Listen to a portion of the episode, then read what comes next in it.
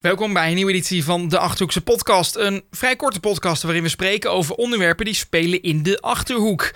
In Zutphen wordt gesproken over de kermis. De burgemeester, Annemieke Vermeulen, wil liever niet dat deze op de markt is en heeft die plannen dan ook gewijzigd.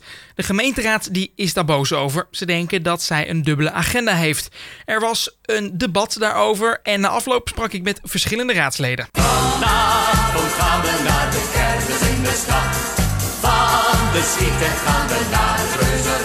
De burgemeester is eh, snel weggevlucht. Heb jij het wel overleefd?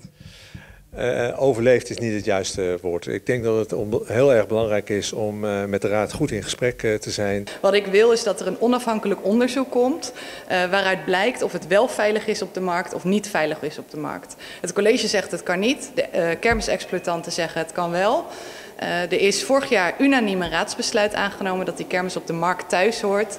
en dat wordt nu, ja, dat legt het college nu naast zich neer. Maar ik vind het zo opmerkelijk dat jullie steeds dat raadsbesluit aanhalen. Het is toch logisch dat bij een uh, pandemie zoals dit iets anders besloten gaat worden en dat er wat dingen van tafel geveegd moeten worden. Ik snap niet dat jullie dat steeds vergelijken.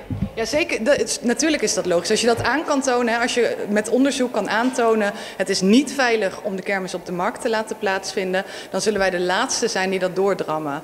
Maar dan wil ik dat onderzoek wel zien. Ik vind het jammer dat er toch geen extern onafhankelijk onderzoek is, uh, wordt gedaan nu. We hebben aangegeven, er was iemand in de zaal, die kan dat binnen een, een, ja, binnen de gestelde termijn leveren, volgende week vrijdag.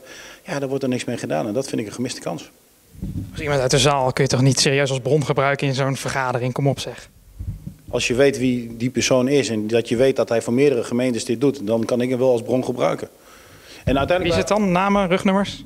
Nee, naam rugnummers, dat doet verder niet de zaken, want het is een kundig persoon. Er werd een motie ingediend om dat onderzoek alsnog te laten doen, waar een meerderheid tegenstemde. Dat betekent dat de kans dat de kermis alsnog dit jaar op de markt komt erg klein is geworden. De anderhalve meter maatregel zorgt al dat wij uh, omzetverlies zullen hebben. Uh, dat is gewoon zo, dat, dat is logisch. Uh, daar hebben we vrede mee, want we weten dat we moeten dealen met, met, met hoe het nu is.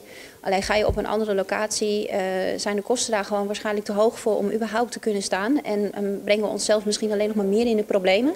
Nu ben ik in ieder geval heel erg blij dat we uh, de toezegging hebben dat de kermis volgend jaar wel op de markt plaatsvindt. Als de ellende van de corona in ieder geval helemaal voorbij is. Moet je misschien niet gewoon het college wat meer vertrouwen of is er een reden voor dat je dat niet doet? Het is natuurlijk gek dat het college zegt dat het niet kan, maar de kermisexploitanten zelf zeggen dat het wel kan. En zij kunnen dat ook aantonen.